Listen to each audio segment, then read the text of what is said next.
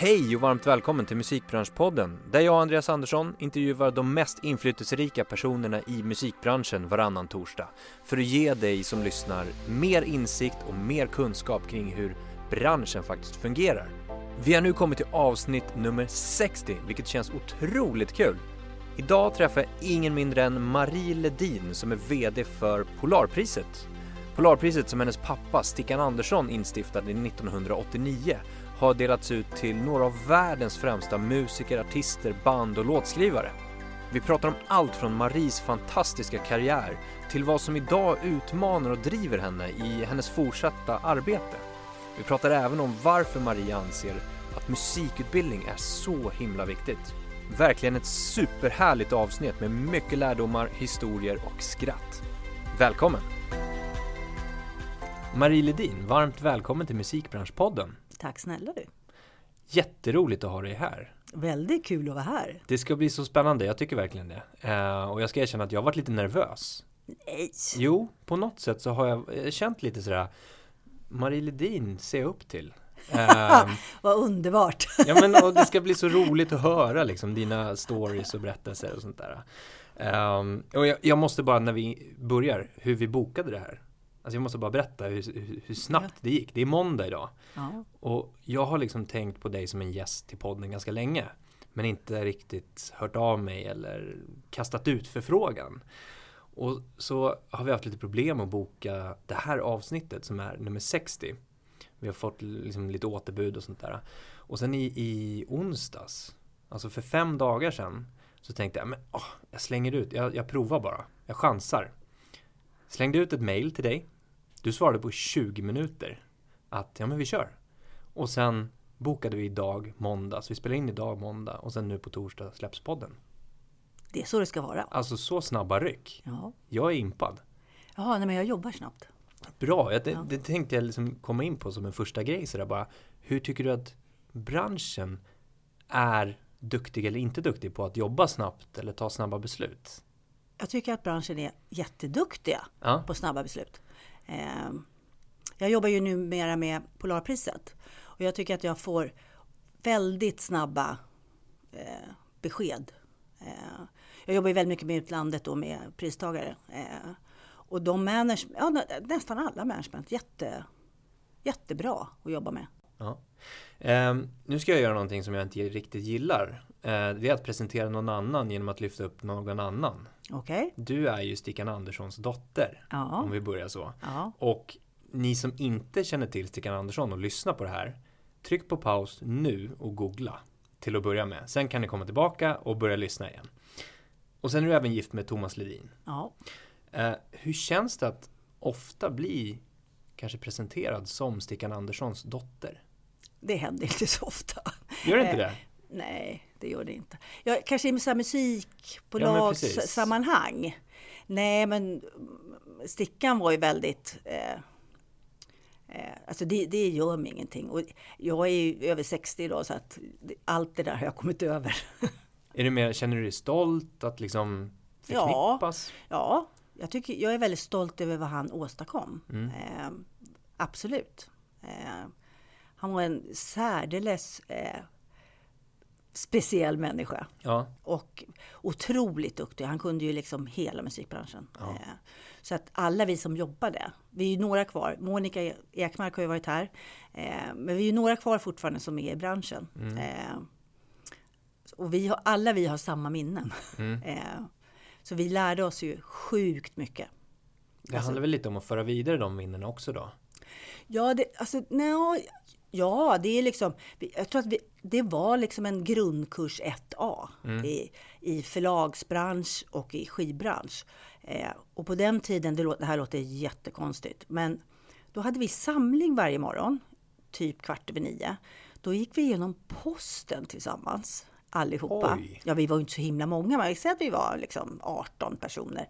Så Stickan öppnade breven och så läste han igenom och så ofta så hade han en liten historia om den som skrev brevet.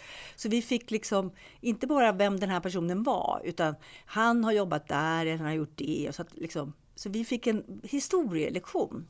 Eh, det gjorde vi då varje morgon. Och sen klockan två när det var fika, då, då hade man skrivmaskiner. Eh, IBM i alla fall hade vi. Eh, och då skrev man med karbonpapper och en rosa kopia. Den rosa kopian skulle läggas i posten. Och sen skulle man läsa utgående post varje dag. Och då var man tvungen att bocka av sitt namn. För att alla skulle veta all ingående och all utgående post. Så att alla, var med, alla visste vad alla gjorde. Eh, wow! Mm. Man känner en delaktighet. Det, det är hit vi ska. Mm. Men så börjar vi varje års Polarpris. Eh, först, gör vi, först gör jag en shitlist, det gör jag dagen efter. Eh, allting som gick fel. Ja. Och sen på hösten, då går vi igenom det där i olika grupper. Och sen träffas vi allihopa. Men då har vi alla var för sig gått igenom vad var det som inte fungerade? Hur ska vi ändra det här och det här mm. så att det blir bättre nästa gång? Och hittills har vi ju aldrig gjort samma misstag liksom två gånger utan alla är ju så medvetna om det här. Det här var lite funkar inte så bra. Ja. Så att eh, vi gör inte samma misstag två gånger. Jättebra ju. Mm, ja, det är jättebra. Jag eh, har tänkt på en annan sak några gånger. Mm. Och jag tycker att det känns som att du och din man Thomas, mm. det, det känns som att ni är ett slags musikbransch superpar. Förstår du vad jag menar? Ja, jag har aldrig sett det så, men eh, ja, men Thomas är artist ja. Eh, och jobbar och turnerar. Eh, nu turnerar han ju Sverige i höst. Mm. Och jag jobbar ju med Polarpriset, så vi vi gör ju olika saker idag. Alltså vi, idag jobbar vi inte tillsammans, det Nej. gjorde vi under många år. Men eh, nu, jag sköter mitt och han sköter sitt. Precis, men ni båda har liksom en gedigen musikbranschkarriär kan ja. man väl kalla det för. Ja, det har vi. Ja. För jag, jag upplever dig också som väldigt driven. Ja, det är jag nog. Ja, det är nog. Upplever du dig själv som driven person? Jag upplever mig inte så, så som driven, men jag är det, jag vet det. Du är det? Ja. ja. Vad grundar sig det i tror du? Nej, men om man ska få saker att hända, ja. då måste man vara en driven människa. Eh, och musikbranschen, eller alla branscher förmodligen, är, kan ju vara lite sega, liksom att det inte händer. Och då måste man måste vara en doer. Mm. Eh. Och lite i din nuvarande roll då, om man tänker ja. Eh, Polarpriset till exempel. Ja. Där behöver du vara driven för att där måste det ju hända saker. Det är en åt, ja. återkommande, ett återkommande event. Ja som vi hela tiden ändrar. Ja. Och det är ju det som är, alltså det är det som är kul, men det är också det som, vi kan ju inte ta ett år och liksom applicera det på året därpå. Nej. För det är helt olika pristagare. Så det är o, o, liksom olika artister, olika eh, män, alltså allting förändras. Mm. Så att vi kan egentligen inte börja jobba förrän vi vet pristagarna. För att det har, alltså gästlistan förändras på grund av, av det. Mm. Eh, musiken är ju helt annorlunda. Så att det är rätt mycket som förändras. Men det är också ett otroligt spännande arbete. Och du är ju VD för Polarpriset. Ja. Vad innebär den rollen? Jag har hand om festen. Vilken strålande roll! Ja, det är jättekul. Eh, nej, men jag har hand om, alltså jag, jag ska genomföra priset, mm. alltså en ceremoni och en bakett. Eh, det är mitt jobb. Mm. Eh, så det är jag som har kontakter med pristagarna och ser till att vi har ett program, gör programmet. Eh, nu är ju vi eh, i alla fall tre personer på kontoret som jobbar med det här liksom ganska länge. Vi har ju en logistikansvarig mm. som bara jobbar med logistiken. Vi har en annan tjej som har hand om alla inbjudningar, data, alltså hela, allt det som går i på datorn. Liksom, att vi har uppdaterade adresser, eh, att vi skickar ut inbjudan som vi ska. Och nu alltså går det ju tv, så vi har ett tv-team. Vi har ett musikteam. Vi har mediateam. Eh, och sen har vi allting som vi lägger upp på nätet, alltså på våra hemsidor. Eh, det sköts av nästan bara tjejer. Vi är nästan bara tjejer. Jättekul är det. Kul! Mm. Ja. Jag tänkte vi ska få en liten uh, djupare förståelse för var du kommer ifrån. Ja. Om vi kan bara backa bandet lite och titta på vad du har gjort tidigare. Om vi börjar, eller vi var inne ja. lite grann på det. Ja. Jag började Ja, jag, började, jag började då på eh, Sweden Music och Polar. Så började jag på ekonomiavdelningen. Eh, för att jag var utbildad så. Eh, och sen så började jag på Polar och gjorde precis som de flesta. Man började med att skriva labelinformationer, bestämma, beställa LP, MC, C, ja CD var ju, det här var för CD till och med. Så det var eh, kassetter och LP-skivor och så såg man till att de kom in i lager. Eh, och så släppte man det, man gjorde nyhetsblad och så pratade man med säljarna som gick ut och sålde eh, skivorna till handeln. Så där började jag.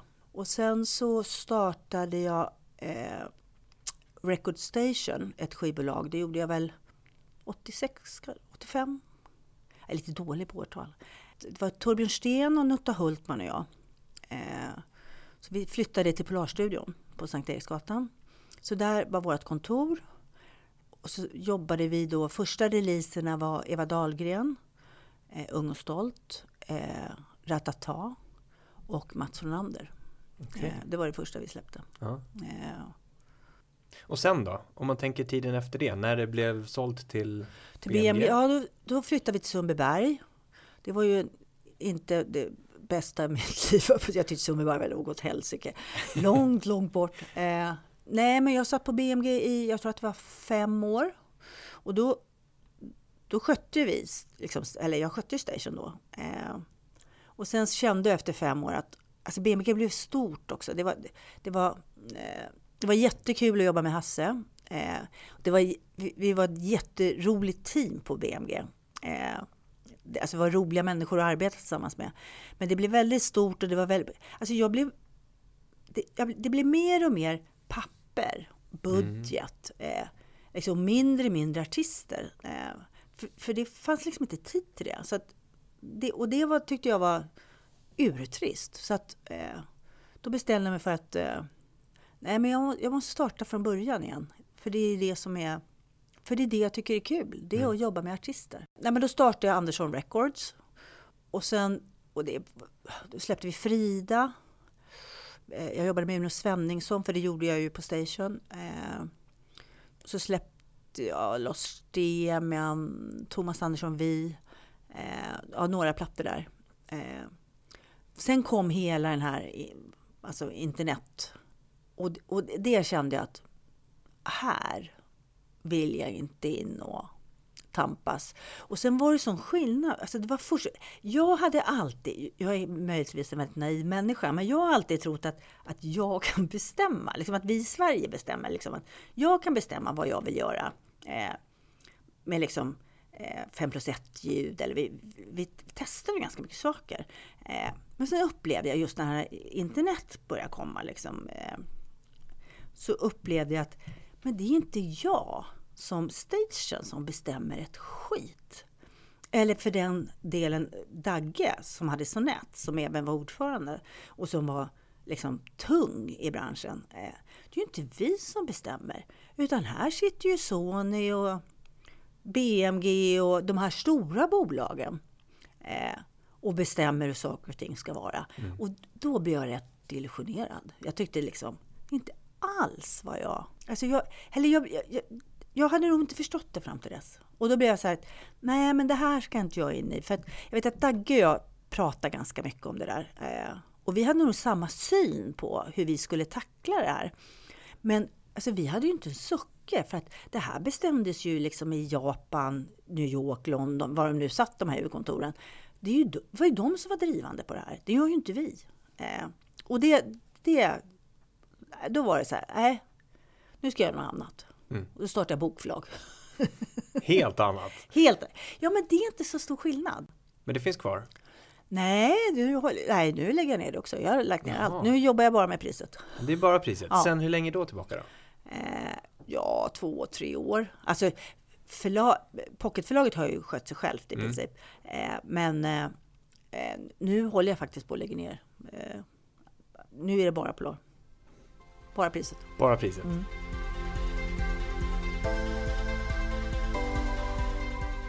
Vad är det idag nu då som driver dig i ditt arbete? Eh, det som driver mig är nog att jag är fortfarande väldigt nyfiken. Att jag mm. gärna vill lära mig nya saker. Jag vill försöka tänka nytt. Det är inte det lättaste alla mm. gånger. Eh, eh, men just drivet ligger nog i, i det i nyfikenheten tror jag. Ja. Att jag tycker att det är spännande. Ja, ja det tror jag. Och det låter lite som att eh, utforska, hur skulle vi kunna göra det här för att ja. optimera det? Ja. Eller till, till, det bästa eller liknande? Ja, men det var likadant när jag jobbade med artister. Liksom, för att ofta, eller vad jag kände när jag jobbade med artister, det var så här, det finns ju en vision hos artisten. Mm. Eh, vad vill jag säga med de här tolv låtarna? Mm. Eh, och, och, då tyckte jag att det var min uppgift att försöka hjälpa till att ett omslag och eh, att det blev så som artisten ville ha det. Presentera det så som artisten ville ha det presenterat. Eh, och samma sak när man eh, jobbar med marknadsföring eller ja, gentemot media. Liksom att det, artisten är den som, som bestämmer mm. hur man ska få ut det här. Eh, så jag hade ju väldigt nära samarbete med alla artister liksom på hur, hur vi skulle jobba fram det till att det blev så bra som möjligt mm. för artistens skull. Mm. Ja. Men det viktigaste med artister tyckte jag, det var liksom att man måste vilja sälja skivor. Och det är ju väldigt olika för olika personer eh, om det är okej okay eller inte. Mm. Eh, så att, eh, för man kan ju sitta på sin kammare och göra musik. Och det är säkert hur bra som helst. Eh, men det är inte liksom, man kanske inte vill nå ut. Och det måste finnas liksom en, en början med att ja, jag vill att många ska lyssna. Eh, och finns inte den, då är det väldigt svårt. Eh, och så är det ju fortfarande naturligtvis.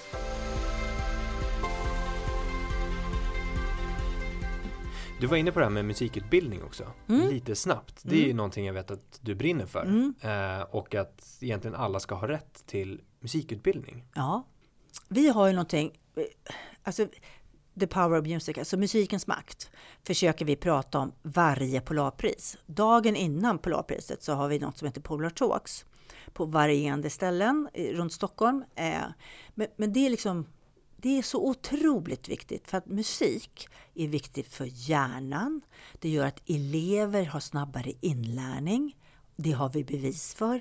Dementa och Alzheimersjuka blir friskare när de lyssnar på musik. Alltså musik är så otroligt viktigt i vårt samhälle. Jag är bekymrad över att musikundervisningen i skolorna eh, i det närmaste tas bort. Jag tycker det är, eh, alltså musik är, för, speciellt för barn med olika diagnoser så är musik, alltså det, det, är, det är fantastiskt. Alltså musik är så grundläggande och det är ju någonting som människan, vi börjar ju trumma innan vi börjar prata. Mm. Eh, alltså det är våra gener, i vårt DNA. Eh, och sen att musikutbildning, det, alltså det tycker jag... Eh, jag vet att när jag... Jag fick ju lära mig spela blockflöjt. Jag gick den vägen. Liksom, för alla spelade blockflöjt i årskurs tre. Eh, så man lärde sig noter. Eh, och sen fick man välja sitt instrument i fyran. Så jag spelade piano i många år. Eh, och jag, jag spelar aldrig piano idag. Men jag är väldigt glad att jag fick den möjligheten. Och att jag fick lära mig ett, ett nytt språk. Mm. Fredrik Ullén har ju gjort undersökningar. Eh, han är eh, professor på Karolinska. Eh, och han säger att barn som spelar instrument har mycket lättare för inlärning. Och det vet man ju idag. Men det är ju ingen som tar till sig det här. Eh, så, så jag tror liksom musik har värden som vi bara har börjat skrapa på. Mm. Jag tänkte vi ska gå in lite grann på musikbranschen mm. som helhet och prata om det. Om vi tittar på värdet i själva musiken. Hur, hur känner du själv idag? Har musik ett tydligt värde? Nej, det tycker jag inte. Nej. Nej. Du kan få all världens musik i ett knapptryck och det kostar i princip ingenting. Nej. Men bör man liksom förändra synen på det hos människor? Alltså att se reklam, när musik är med i reklamsammanhang så ska man ha sjukt bra betalt för det. Mm. Eh, lika mycket som Zlatan får. Eh, nej men alltså det tycker jag är jätteviktigt. Alltså att musik har ett värde även om inte vi eh, inser det. Det är ju som butiker, när man går in i butiker eller när man går in på restauranger. Det här med vad man spelar för musik, mm. hur den ökar köplusten. Exakt. Eller vad heter han nu då? Eh, Blumenthal, Hestor Blumenthal, eh, han som har Fat Duck i London. Eh, vi hade ett Polar Talks i London. Som, där höll han ett föredrag. Och då bad han oss, vi fick in ett glas vin allihopa. Och så spelade han en hög ton eh, och pratade. Eh, och så sa han, drick vin. Och så drack vi. Och det var ett fantastiskt vin. Eh, nej, det var tvärtom. Det, då var vinet inte bra. Eh, och sen så började han spela bastoner på gitarren. Och så sa han, smaka nu. Ett annat vin. Och då blev jag så här. Och vi hade, alla hade ju stått det med det i handen. Och alla var så här, nej men det är ju inte samma vin. Det här. Och då berättade han, bastoner gör vinet, alltså det, eh, vinet får en, en eh, ja, vad kan det vara? Alltså, det händer saker. Någon slags med, reaktion i vinet? Ja, alltså det är alltså en vibration i mm. vinet som gör att, att det smakar annorlunda. Så att jag tyckte då så här, jag kommer köra bag-in-box och köra bas hela tiden. Men, eh, men alltså hur viktig musik är ja. och hur man uppfattar musik. Och hur musik kan förhöja maten. Och liksom. Eller det är samma sak med det här med eh, Alive Inside. Och de här, det är en film som, jag vet inte om den finns på Netflix, men den fanns. Eh, och då är det en professor i, eh, i USA som han använder då musik och så sätter man på hörlurar på de här dementa. Och så ser man vad som händer med mm. människorna. Alltså det är helt fantastiskt. Alltså, det, det, blir en annan människa. Det, det, är en kille som är, alltså han kan inte prata. Och så får han lyssna på sin favoritmusik. Eh, och så börjar han prata efteråt. Så att musik har värden som vi inte vet ännu. Mm. Och jag tror att vi är i våran linda nu, mm. liksom på hur det påverkar människor. Jag tänkte du ska få ge lite tips. Oj då. Ja, om man inte har vuxit upp med musik så pass nära. Jag till exempel själv. Jag hade ingen i min familj som är musikalisk, som spelade musik, som sjöng överhuvudtaget. Ja, men du lyssnar på radio? Jo, jo, absolut, lite grann. Men, men, men ändå så var det någonstans att jag var den som bröt mig ut och började spela gitarr och hela den biten. Men om man inte riktigt har den här äh, nära till hands, men ändå vill någonting. Man vill hålla på med musik. Vad skulle mm. vara ett bra tips för den personen? Jag tror så här. till att börja med så måste man lyssna. Alltså man måste lyssna på mycket musik eh, för att förstå vad man själv gillar framför allt. Eh, och hur man själv vill... Alltså vad är, vad är bra och dåligt i det här? Eller vad är det liksom... Och det kräver nog att man lyssnar ganska mycket på musik. Eh, så då skulle jag säga, eh, man kan lyssna på Spotify med reklam. Då kostar det ingenting. Eh, och botanisera, det tror jag är en bra början. Sen är ju all, det är jättemånga som vill bli musiker och artister. Och, eh, men det är ju väldigt få, få förunnat att kunna bli det. Eh, man kan jobba med musik på andra sätt. Vi var lite inne på det. Man kan bli en läkare som, som kollar vad gör musiken för hjärnan, Exakt. för magen. För, mm. alltså inte, liksom, eh, jag tror i de flesta yrkesgrupper kan vi få in mer musik. Jag tror som lärare att att få elever att lyssna på olika sorters musik. Nej, men jag tror man kan föra in musik egentligen i allt. Ja. Bra. Du ska få en fråga från föregående gäst. Från ja. Robert Selberg som mm. är musikchef på Nent Group Radio. Ja. Om du är en ny ägare till en ny klubb, alltså en musikklubb, du driver den. Vem är den första artisten du skulle boka till den här klubben? Robin. Robin. Självklart. Jag tror inte jag skulle få henne för det kostar pengar, men eh, absolut Robin. Coolt. Mm. Om du får ställa en fråga till nästa gäst, vad skulle du vilja ställa? Eh, ja. ja, vem tycker du ska bli nästa års Polarpristagare? Snyggt! Bra eh, relationsfråga där. Marie, jättestort tack för ett jättetrevligt samtal. Ja, tack själv. Det var jättekul. Lycka till med eh, Polarpriset nästa år nu. Tack snälla. Det behövs.